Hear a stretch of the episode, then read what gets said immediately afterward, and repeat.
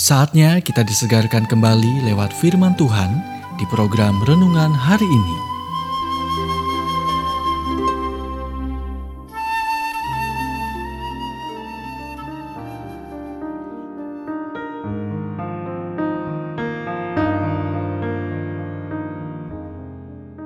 Renungan hari ini berjudul Kekuatan Pengaruh bagian yang pertama. Nats firman Tuhan diambil dari kisah para rasul 4 ayat 13. Mereka mengenal keduanya sebagai pengikut Yesus.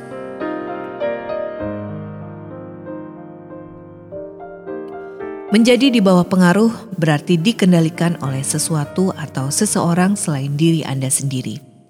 Siapa Anda? Apa Anda? Dan di mana Anda hari ini adalah karena Anda berada di bawah pengaruh orang-orang tertentu. Perusahaan tempat Anda tinggal mempengaruhi pikiran Anda. Pemikiran Anda mempengaruhi tindakan Anda. Tindakan Anda mempengaruhi karakter Anda, dan karakter Anda menentukan nasib Anda. Pengaruh tidak mungkin lepas. Ini seperti cuaca, selalu ada untuk dihadapi. Itulah mengapa penting untuk memantau penggunaan ponsel, game, dan internet anak-anak Anda. Apa yang mereka tonton di televisi dan perusahaan yang mereka senangi, karena hal-hal ini dapat memengaruhi mereka untuk kebaikan atau kejahatan. Dan jika Anda benar-benar bijaksana, Anda akan menghabiskan waktu di bawah pengaruh Yesus. Anda akan membaca firman-Nya dan menghabiskan waktu bersamanya dalam doa. Memang, semakin banyak waktu yang Anda habiskan bersama Dia, semakin Anda akan menjadi seperti Dia.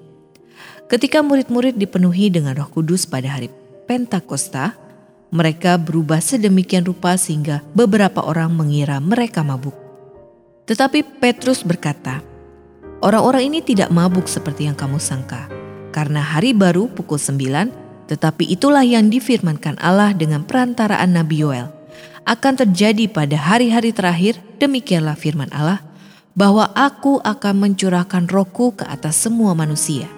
Maka anak-anakmu laki-laki dan perempuan akan bernubuat, dan teruna-terunamu akan mendapat penglihatan-penglihatan, dan orang-orangmu yang tua akan mendapat mimpi. Dua bab kemudian kita membaca ini. Ketika sidang itu melihat keberanian Petrus dan Yohanes dan mengetahui bahwa keduanya orang biasa yang tidak terpelajar, heranlah mereka.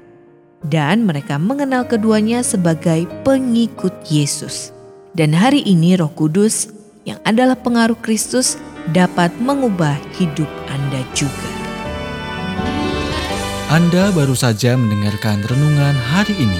Kiranya renungan ini terus mengarahkan kita mendekat kepada Sang Juru Selamat, serta menjadikan kita bertumbuh dan berakar kuat di dalam Kristus.